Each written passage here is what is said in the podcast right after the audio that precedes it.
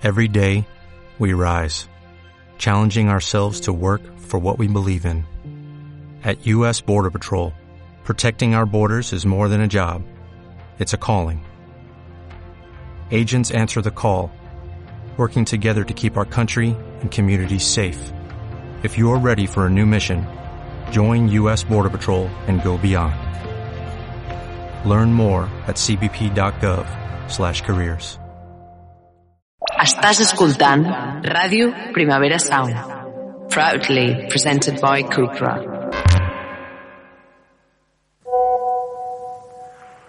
És aquest l'agraïment que rebo, marranes, per posar-vos a to?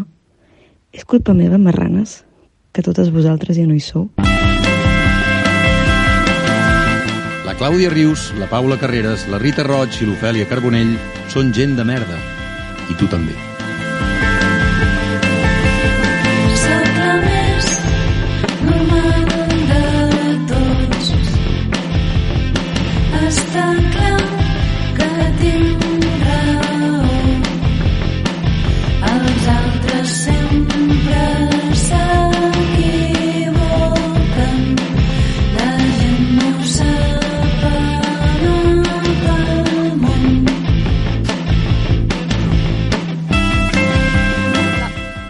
Bon dia. Bon dia, Rita.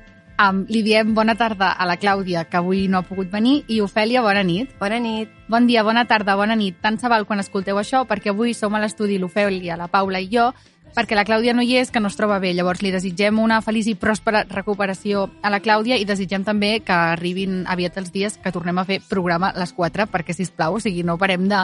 A més, jo he de dir que em mantinc, o sigui, jo em mantinc en la meva postura de persona que ve, Toca fusta. que ve al programa i llavors va rotant i llavors em sento una mica com en un programa d'aquests de cites a cegues i m'agradaria tornar a, a, a tenir, bueno, a fer un gent, un gent de merda normal i corrent. Llavors, avui estem aquí per parlar d'un tema que a gent de merda ha sigut motiu de discussió, cosa molt forta. Eh? De fet, a casa nostra aquest tema va generar un conflicte anomenat um, que li va ficar el nom l'Ofèlia, boníssim, Copisteria Gate, eh? aquest conflicte que vam tenir entre nosaltres, l'explicarem a continuació, si les implicades així ho desitgen, i la qüestió és Bueno, que avui no sap si... Està clar, és, que és, és tot un tema, és tot un tema. Ara descobrireu que en realitat ens enfadem un muntó entre nosaltres. No, el tot, total, que avui parlarem d'una habilitat, actitud o manera de fer que és molt necessària per anar per la vida, però que alhora està molt vista en la nostra societat.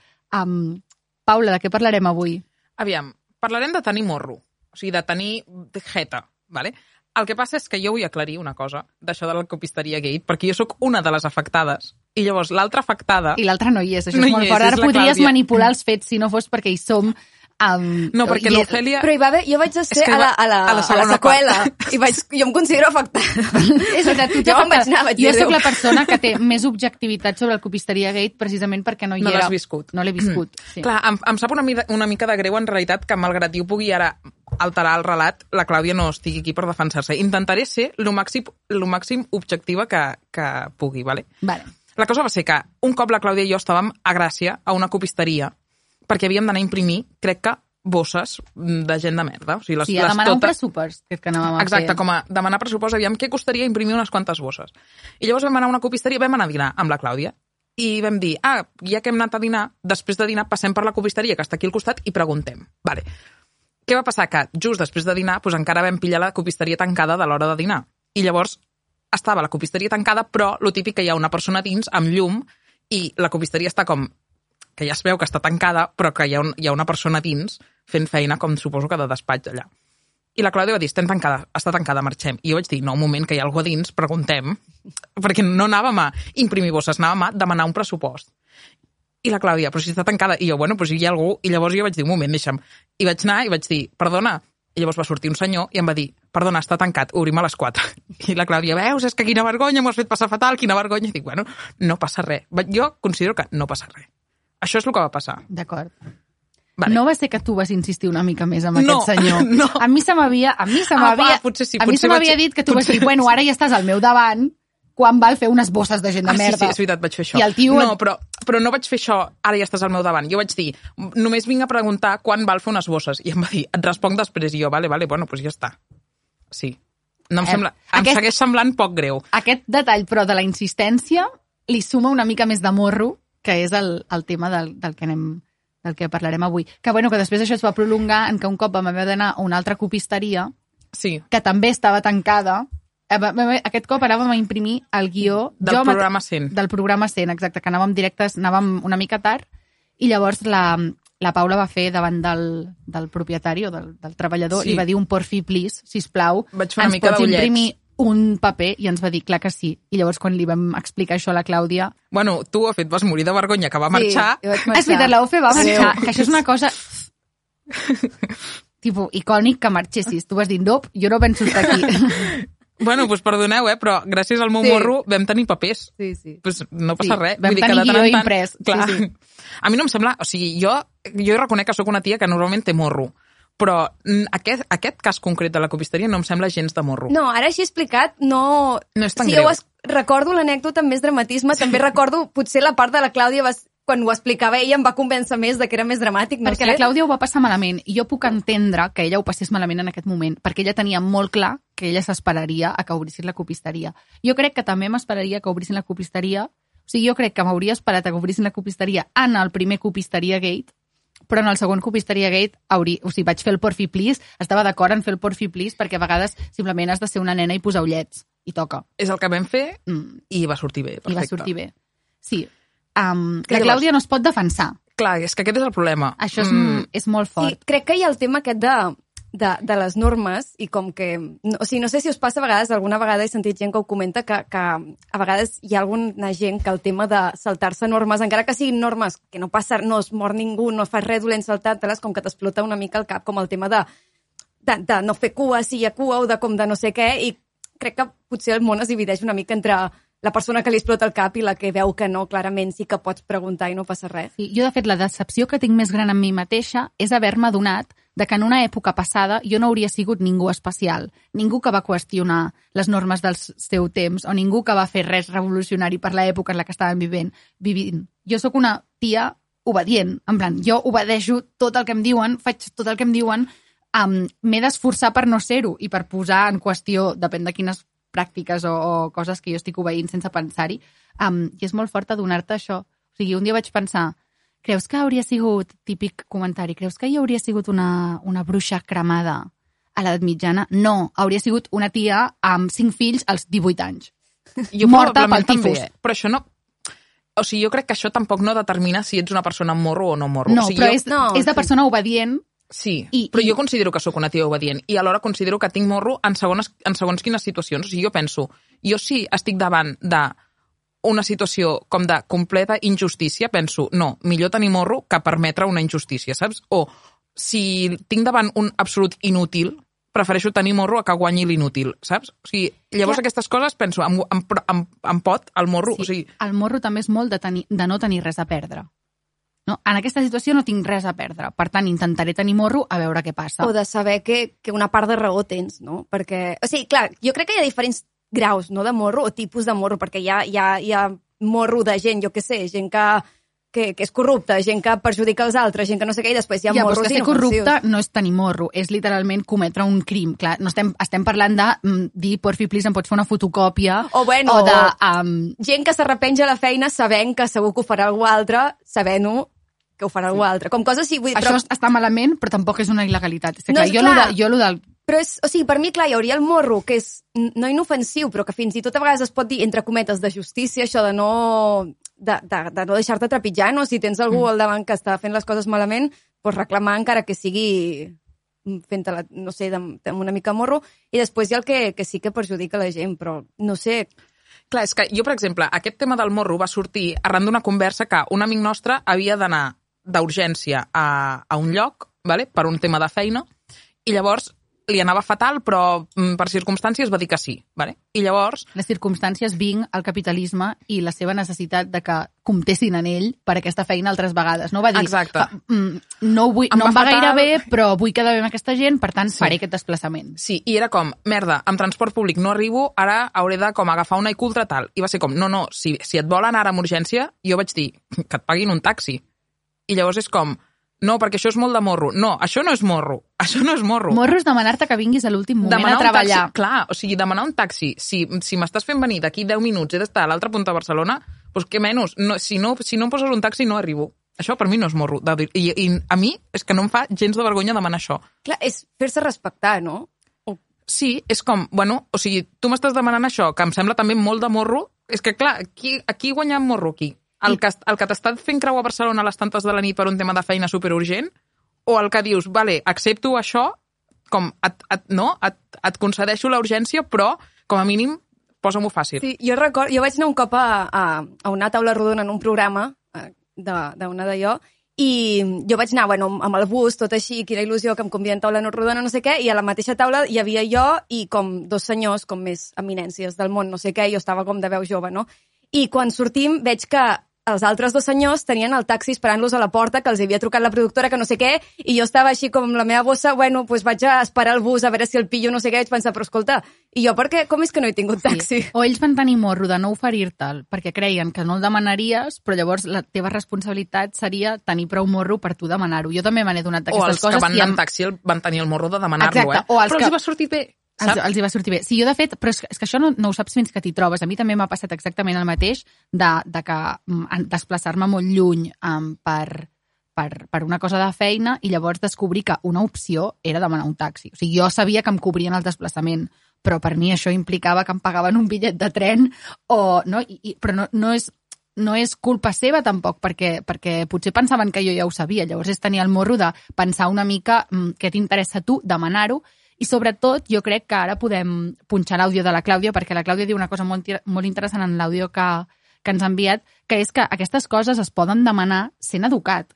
Que sembla que no, no? Sembla que si tu demanes que et posin un taxi ja estàs demanant una, una, una gran cosa, però tu ho pots dir de, de bones. Per tant, mm, no sempre està renyit, no?, tenir morro amb ser educat. Hola, a mi sobre el tema de tenir morro em preocupa sobretot el fet de com pots, si, si està renyit, tenir morro i ser ben educat. O sigui, sempre que fas, sempre que tens barra amb alguna cosa, estàs sent mal educat, com això em preocupa, perquè, perquè llavors, mm, si mai com et reivindiques o mai el que sigui, um, també hi ha un punt que penso, si no tenim mai morro, l'altre extrem que és ser sempre people pleasers, o sigui, um, quedar sempre amb tothom o com dir sempre el que la gent vol sentir. Mm, llavors, no sé, penso que potser hi ha d'haver un equilibri i que potser sí que és una mica positiu tenir morro sempre que sigui per reivindicar com les teves parts bones o no, que et serveixi per, per fer-te valdre sense trepitjar els altres no sé, em preocupa la part aquesta de, de com anar d'un extrem a l'altre, entre o tens molt morro o ets un people pleaser. Llavors, en quin punt et quedes? Jo, jo tinc moltes coses a dir. Digue-les, digue-les. Aqu- Això mm, és teràpia de parella de la Paula i la Clàudia i el seu copisteria gate.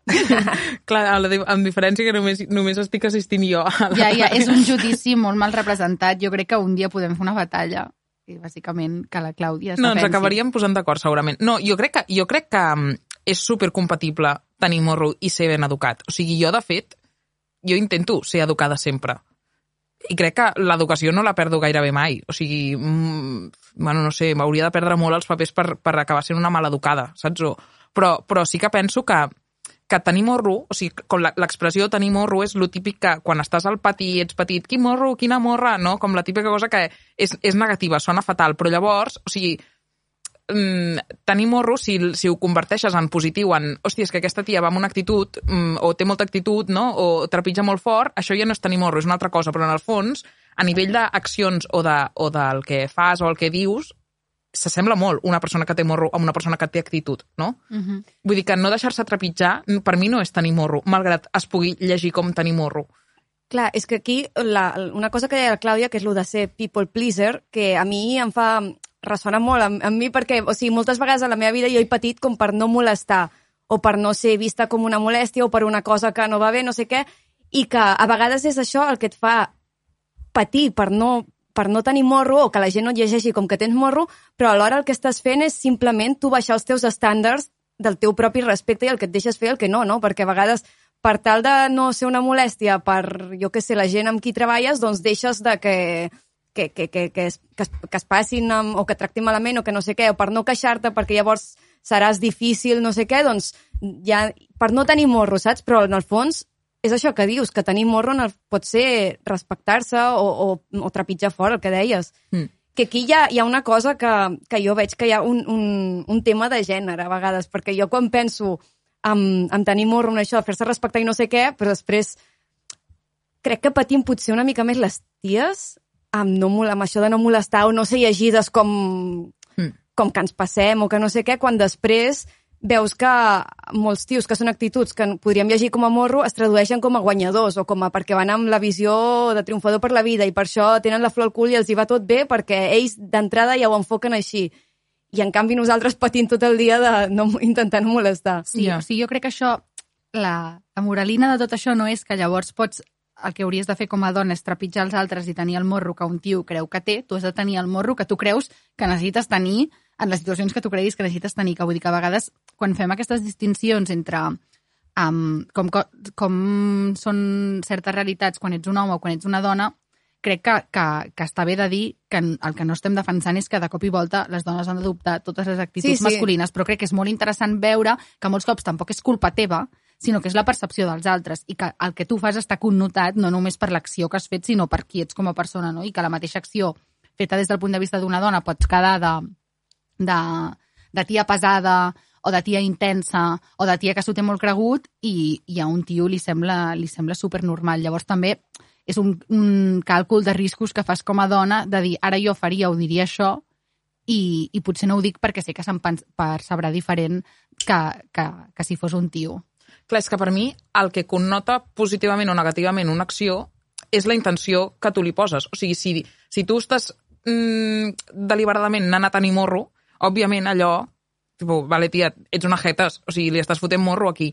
Ara, si tu estàs tenint morro perquè estàs com fotent colzes mm, per, per guanyar-te un lloc que potser et mereixes, doncs llavors per mi aquest morro està justificat, saps? O sigui, hi ha com un punt que penso, doncs aquest morro no és, tan, no és el mateix morro que un que es cola a la cua del cine perquè no li dóna la gana fer la cua quan estem tots fent la cua. Ja. No, a la cua la fas com tothom, saps? Vull dir que, Sí. que hi ha morros i morros. Sí, sí, però la percepció de tu mateix de que et mereixes dir que no també és Clar, super relativa, Clar, perquè hi ha clar, algú que potser, totalment. està, potser per ell és la batalla, bueno, es pensa que és Nelson Mandela, saps, allà lluitant per una causa, i en realitat tu estàs pensant simplement tu subnormal, t'estàs colant a la cua del cine, vull dir que, que Amb tota l'actitud i amb tot el morro de dir, si em surt bé, tot això que guanyo, saps? uh -huh. Clar, o sigui, a mi em fascina el tema aquest de, de l'autopercepció i tot això perquè o sigui, amb el tema del morro crec que és una cosa superrelativa que ens posem a nosaltres mateixes i, i que, que a vegades és això, que la persona qui està tenint morro, encara que sigui un morro que perjudica els altres i que, que és superabsurd i que podria perfectament no fer, la persona pot estar convençuda de que, que no, que, que, que és el que mereix o que realment està ja visquent alguna cosa. I mm, a mi em fascina, per exemple, quan... Sí, quan jo vaig pel carrer i veig una persona que li veig els ulls que només té el cap d'anar del punt A al punt B i que, o sigui, és que ni s'aparta ni que es, et xoca i ni se n'ha enterat que s'ha xocat amb tu i que t'ha tirat la bossa, saps? I que li és igual i penses, però clar, tu pots considerar que és morro si la persona sent que és de justícia o que ni se n'adona perquè ell simplement està anant del punt A al punt B. Bueno, per... és que aquí llavors potser el que fem malament és qualificar aquestes accions com a morro i no simplement dir que són faltes de respecte. Clar, és que jo anava a dir, clar, per mi això no és morro. Clar, però si no és intencionat, o sigui, si no hi ha la mala intenció darrere de... Bueno, és que falta de respecte és perquè tu no tens la intenció de respectar ningú perquè ningú t'ha ensenyat a respectar ningú. Vull dir que hi ha moltes coses que la gent fa sense voler, Sí. però és que és responsabilitat teva voler aprendre a fer les coses millor. Que això jo... Per això crec que... Bueno, és que jo sóc molt defensora de que les accions um, no són bones o dolentes en funció de, de, les, ai, de, de les intencions que té la persona, sinó de les conseqüències que té. Llavors, si tu estàs apartant a la gent, és igual que tu et pensis, és igual que tu no sàpigues. Clar, tu no ho volies fer, estupendo, clar que no ho volies fer. Clar que ningú vol ser mala persona. L'altra cosa és que potser hauràs de reavaluar no, les teves, les teves mm, prioritats, no sé. Clar, sí, sí. El que passa és que no estem parlant de coses bones i dolentes, sinó de tenir morro o no tenir morro. O sigui, Clar, per llavors, mi, aquí sí que, a, a, per mi la diferència està en la intenció. Perquè si tu, no, no, o sigui, tenir morro és una actitud. És, es- ara li vaig a fotre morro a això. Saps? Vull dir, Sí, però jo crec que dient que algú que, que va pel món sense fixar-se en els altres té morro és... Estem insultant el concepte del morro, perquè jo crec que el morro l'hem de revaloritzar.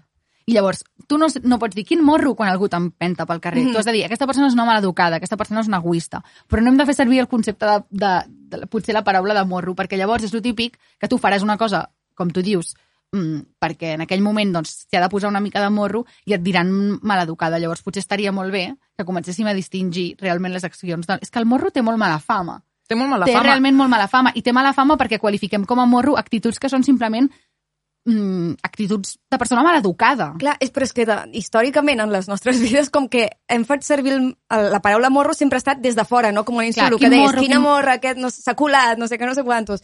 Llavors, clar, costa no tenir la connotació negativa. I per Sí. això va enganxat això de mm, intentar tot el dia evitar que sembli que tens morro per, per, per no considerar-te tu mateixa, joder, sóc mala persona perquè he interromput el senyor a la copisteria que estava fent no sé què. Sí, i de fet el, el que passa amb això és que nosaltres mai volem ser, nosaltres hem sentit molts cops que l'altra gent té morro i sabem què se sent quan algú et fa una cosa des del morro i tu no vols generar això mai a algú altre i no vols ser la persona que té morro perquè està mal vist i aquesta gent és gent que fa mal i tal. Però sí que crec que s'hauria de distingir entre el morro i ser simplement un jetes, que això també, no? Ser un jetes és fer servir tant el morro que al final ja no és una acció que té morro, sinó que és tota la teva personalitat. És que, ets un, Actitud. és que ets un jetes, tio. Ets Clar, un jetes i punto. Per mi això és diferent. Però és que és una cosa, és acumulatiu.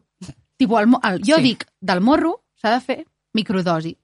Microdosing, en plan, tingues morro en certes ocasions i després has de fer detox. Morro pots, útil. Morro, no pots fer Morro morro, útil. no pots fer morro tot el rap, tu. Si fas morro més de quatre cops al mes, un cop a la setmana és el límit. Si fas morro més de quatre cops al mes, ets automàticament un jetes. O sigui, no, no estic dient que fem servir aquesta, aquesta, aquests Sí. números, eh? però dir, ostres, Però també, de, de, o sigui, depèn de contra qui l'exerceixis. Exerceix, uh, no em sortirà, és igual. Però vull dir que jo, jo, per exemple, tenia un amic que podria semblar un jetes. No, jo pensava, és que no ho ets en el fons, perquè tu estàs, o sigui, ets un, com un ganga king, saps? Tipo, a tu t'agrada les gangues, t'agrada aprofitar tot. O sigui, si et donen 30 dies de vacances, t'agrada posar-los estratègicament per aprofitar-los al màxim. Això és tenir morro. això és ser un hacker. Vale, Hacker. Vale, perfecte. Però es pot considerar com a morro, en plan, hòstia, mm, s'ha agafat el primer al pont de desembre. Ah, bueno, doncs ha agafat el tu abans. O sigui, això no és tenir morro, això és ser ràpid, saps? O, mm, Bueno, fins a quin punt típic fas anar malament a l'altra gent i sabies que algú també volia el pont de desembre. Aquí és on jo entro. Ah, bueno, clar. Sabies que o algú sigui, volia i que aquesta persona mm, li feia molta il·lusió i ja simplement i no li has dit però llavors aquí hi ha moltes, o sigui, hi ha moltes coses a valorar, com d'amiga ets d'aquesta persona, no? Mm, tu també, quina il·lusió et fa tu, com quantifiques la il·lusió que et fa tu, la il·lusió que li fa l'altre. Vull dir que hi ha com un punt de, bueno, jo provo. És que per mi el morro hi ha un punt de, jo ho intento, si surt bé, perfecte. Això és el morro, saps? De, si surt bé, guai, i si no, doncs, bueno, em foto. També Clar. la diferència entre tenir morro i ser un jetes és que una persona amb morro, després, has de saber recollir el cable. Tu has de saber Ah, dir, sí. m'ha sortit malament aquest morro. I dir, d'acord, d'acord, i jo recollo el cable i marxo amb la cua entre les cames i he fet una cosa amb morro que m'ha sortit malament. Perquè en el moment on tu no acceptes un no per resposta i ets molt, molt, molt pesat perquè vols que tot et surti bé, Aleshores ets mal, maleducat, Ets segurament. mal educat i ets un jetes, ets un jetes, Sí. és que ets un puto jetes. És que jo no suporto la gent jetes i alhora estic a favor del morro. Llavors necessito que posem allà la distinció entre el morro i la... Si algú té molt clar, que ens ho digui. Jo necessito saber com... Jo com- estic bastant d'acord eh, amb aquesta distinció. O sigui, com a mi, aquest entremig és el punt exacte on jo em vull ubicar. Jo no, jo no considero que sigui una tia que, que, que sigui una jetes. Alhora, crec que sé aprofitar com alguns impulsos de morro que em surten de vegades. I també crec que, en, sobretot en l'àmbit laboral, el morro ha d'anar avalat per talent o mm, força de treball. És a dir, que està molt bé tenir morro per certes coses, però el morro el destapes. El morro és com un vel que tu poses al davant de les coses que fas. I llavors hi haurà algú que correrà aquest vel, el traurà i veurà què hi ha al darrere. Llavors, si tu ets tens molt morro i li poses molt morro a les coses i mm, sempre vols ser el primer en parlar, sempre vols que les coses que tu fas brillin, llavors les coses que tu fas han d'estar bé. Si estàs disposat a passar per sobre dels altres o a aprofitar certs moments per fer-te tu brillar més, llavors les coses que fas s'han d'aguantar. Mm. Ha de ser proporcional al teu morro amb el teu talent, perquè si no, immediatament el teu morro perd tot el valor. I fora de la feina també, eh? perquè si tu ets, tens morro i ets molt desagradable, Et, surt, et sortirà malament la et jugada. sorrana. Si tens morro però ets super simpàtic, és com se li permeten moltes més coses a aquesta persona, segur. Això, això havia passat, amb, ho havia vist en alguna orquestra, que era com, jo què sé, dels, dels primers violins hi havia un que sempre faltava i sempre no venia mai als assajos, però oh, no se li podia dir res perquè era el que tocava millor de tots i feia els solos després que t'hi cagués no sé què. Però clar, el morro no venia a l'assaig quan estem tots allà fringant, bueno, però que després podia compensar-ho, que un altre si després ve a tocar i ho fa tot malament i dius, oh, perquè no havies vingut. Però tu sempre dius que tothom, o sigui, ningú és prou bo per ser un gilipolles. Clar, però una cosa és morro, l'altra és hater, l'altra és gilipolles. No tenim com el, tot el ventall de... No, sí, per mi morro és això que deu, no de preguntar a veure si cola i si, si es pot fer, genial, perquè a vegades són coses que es poden fer perfectament, com la copisteria Gate 2, no? Hi ha una part molt important que és no assumir que el no ja el tens. O sigui, et Clar. dic assumir que el no ja el tens, al, al contrari del que estava dient, eh? És a dir, tu sempre preguntar per si de cas. Perquè això és una cosa que jo crec que jo, um, ara diré una cosa, espero que els meus pares no escoltin això, jo tinc pares estrictes, he, he crescut amb pares estrictes. Els, I llavors, els teus pares escoltaran això segur, no? No, no, perquè no, no els escolten No tots, tots, vale, llavors vale. esperem que el del morro no els interessi. Vale. um, però els meus pares són uns pares, jo crec que més estrictes que la mitjana, i llavors a mi m'ha costat entendre que um, la gent em pot dir que sí. Llavors jo vaig aprendre de petita a no insistir perquè només generava molt conflicte i llavors és una cosa que diu, diu molta gent que té, ha tingut pares estrictes que llavors com menteixes o et converteixes en una persona molt pesada. Jo m'he convertit en una persona molt pesada però que sobretot sap escollir batalles. I llavors jo tinc interioritzat que moltes coses és no i punto. Sí, però què dèiem quan fèiem el programa de ser Delusional? Dèiem, hi ha gent que hem coincidit nosaltres professionalment amb aquesta gent que assumeix que tothom li dirà que sí i va per la vida amb l'actitud i amb el morro, entre cometes, de saber que la gent li dirà que sí. Escolta, mira, tinc una proposta que segur que encaixa superbé per la teva empresa, que tens molts diners, que em pagaràs molts diners. Assumeixen que, que els hi diran que sí. I llavors això és com un morro que a mi em resulta com un superestimulant. Sí, Penso, jo crec que aquest morro està bé. El morro Clar, de, i això de, també és morro, en el fons. Sí, sí és, és, és la cosa aquesta de dir jo no assumiré que tothom em dirà que no, encara que la gent em pugui dir que no. Um, això s'ajunta molt amb la por al rebuig, no? Tenir morro també és tu està predisposat a que després et fotin el mocarro de la vida Sí. i que et quedis amb un pam de nas perquè no t'esperaves que et rebutgessin. I això també, o sigui, està bé treballar-s'ho. Jo a vegades faig les coses i penso, com que jo sempre penso que em diran que no, per això que comentàvem, jo sempre penso que tothom em dirà que no, em diran què dius, estàs flipada, tal. Llavors jo penso, vale, doncs m'ho prenc, jo ho faig, però m'ho prenc com que m'estic entrenant pel rebuig. Sentiré rebuig i està bé, perquè està bé sentir rebuig de tant en tant i acceptar-lo i processar-lo. I llavors m'ho faig i a vegades em diuen que sí i és com, ah, he sortit superguanyant, ningú m'ha rebutjat i m'han dit que sí, però m'he de convèncer a mi mateixa, m'és més fàcil convèncer a mi mateixa de que seré rebutjada i entendré aquest rebuig i podré processar-lo, que no pas de que em diran que sí. Alhora, quina pena, no? sí. No, no, és que estic tarada. A mi, a mi em passa que, que pot, no, potser és el que passa tam- sembla amb això, és que intento anticipar molt les, co- com la resposta a l'altre, però en negatiu. Com jo, quan passa alguna cosa, penso, no, però és que segurament ell ha pensat que això, que aquests diners no els hi van bé perquè no també. sé què, i per això I em, diu, em dirà això, i llavors en el, seu, en Sí. el teu cap és un argument implacable, que tu no, pots, no pots rebatre. Com en comptes de fer com la, això que dèieu de convençudes, de dir sí, perquè el meu pla li vaig a presentar perquè com que l'he pensat, jo el veig bé, segur que el veurà bé, jo ja penso automàticament com totes les respostes que podria tenir negatives del meu pla com que, saps, jo que sé, per què es truques a la porta de la copisteria, no veus que no estic no sé què, no sé què, bé, estan d'aquí. I, I crec que això també és alhora el, de la por aquesta i del que potser és com una mena de trauma de ser people pleaser, que per evitar, quan tu intentes ja visualitzar totes les negatives que poden sortir mm, de tenir, si intentes tenir morro i veus, no, és que no hi ha manera perquè hi ha aquestes cinc possibilitats i totes són dolentes, doncs ja, de, ja no el tens, per, per si de cas. Però com a exercici psicològic de vaig a tenir morro com a exercici setmanal, que has dit quatre vegades, com un cop a la jo, jo he setmana... dit un cop a la setmana. Un cop a la setmana durant un, cada mes, doncs intentar fer alguna una mica de morro per valorar-te una mica més, em sembla bon Sí, exercici. és com quan et fas les ungles, que després et queden toves. No pots estar tot el rato fent les ungles. No pots estar tot el rato tenint morro, morro no? Surt malament. Bueno, depèn. No ho sé.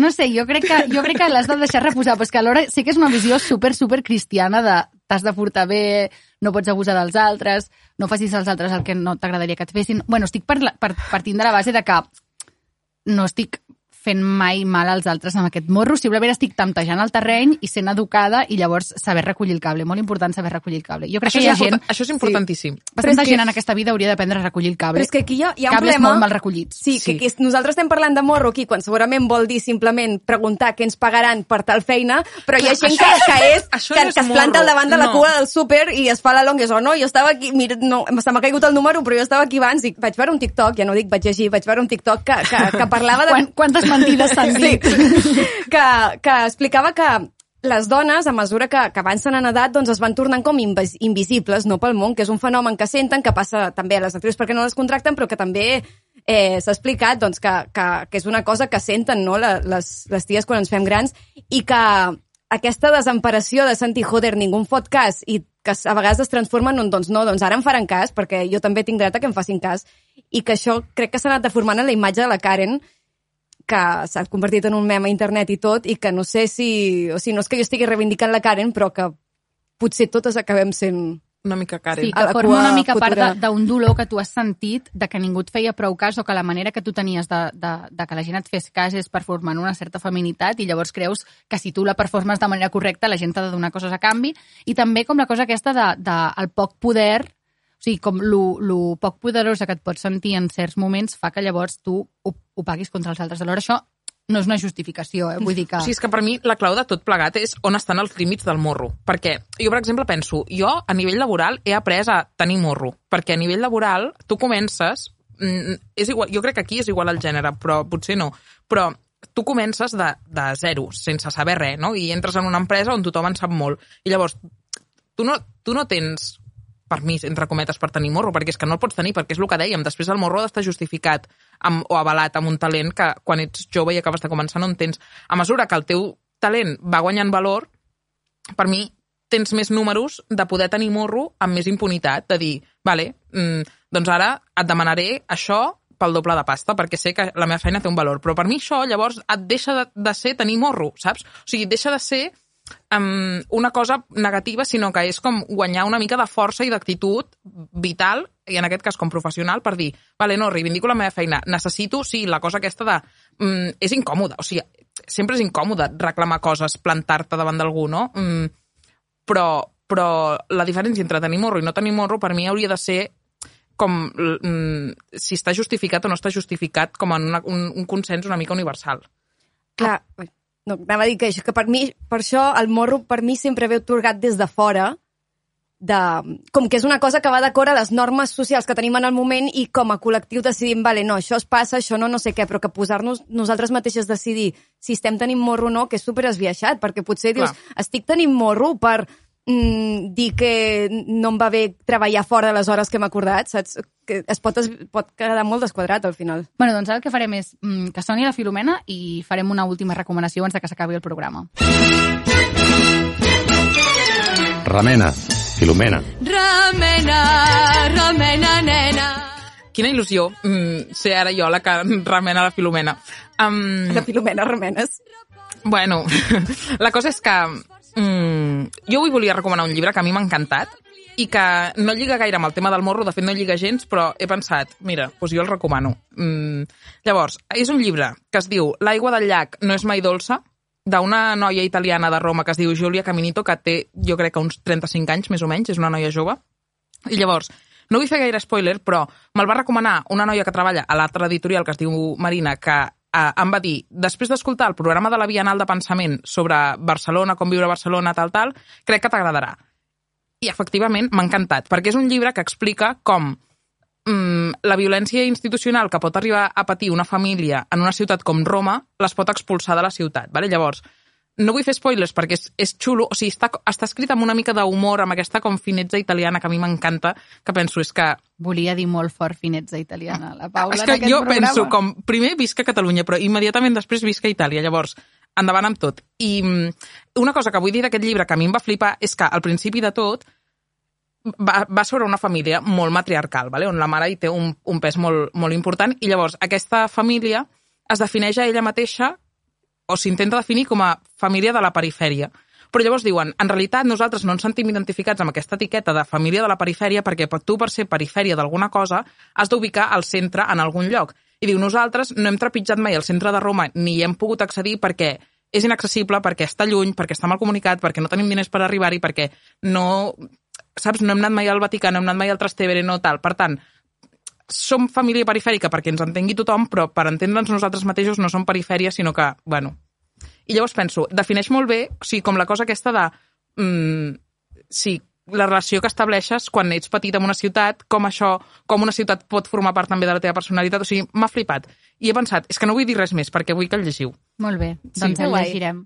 Doncs ja està, fins aquí el programa d'avui. Sí. Creieu que t'he sentit alguna cosa de la que hem sí, dit? ties, és, m'acaba de venir al cap, que ho hauria d'haver dit fa estona, però l'arquetip de noia millennial que s'ha com explorat en els últims 10 anys, el rotllo de Girls de Lena, Lena Dunham, com lo de la pitjor noia de tot el món, no sé què, que ex explora bastant aquesta idea de tenir morro, fins a un quin punt es pot tenir morro, no? Com a... Bueno, ja, i donaré voltes. Perquè són dones que tenen morro i fan una mica de cringe tenint-lo. Sí, o perquè es, es vol buscar... Sembla que la, la, aquesta idea de dona millennial que hagi volgut buscar quina és la pitjor versió d'una tia no sé què i en contraposició amb el que havíem mm. de ser segons la literatura, el cinema abans, que era com això, doncs, de people pleaser, sobretot men pleaser, doncs que es buscava això, no? com ties que tenen morro, no? que fan coses que, mm. que no s'han de fer o que, que no Sí. respecten no sé què, no sé quantos. Sí, la Hannah de Girls tenia bastant morro. Sí, clar, Sí, sí, que eh, una de les seves primeres frases de la sèrie és quan ella diu lo de I, am, I think I am the voice of a generation. Sí, no? llavors que... diu com... Or, or at least a voice of a generation, no? Com, sí, i bueno, això és com- recollir cable. I, i la, la Lena Dunham en realitat també té com bastant morro, no?, de plantar-se i dir, vaig a fer una sèrie, jo seré la protagonista, em poso d'interès romàntic a l'Adam Driver i, i després, bueno... Winner. Sí, per això. Molt bé, doncs aquest Sí. sí. programa s'acaba amb un, una sí. carta d'amor a l'Helena Dunham, no? O un- una carta de... Sí, A no recordo- Driver. Una carta de, A de, de morro, no? Sí, no me'n recordo si està descancelada o encara està cancel·lada. No, no sé on estem amb Sí, aquest ens pla, hem perdut però... i alhora mm, morro nostre tampoc Sí. no voler-ho descobrir. A vegades està molt bé viure en la ignorància. Um, S'ha acabat aquest programa. Fins la pròxima. Gent de merda.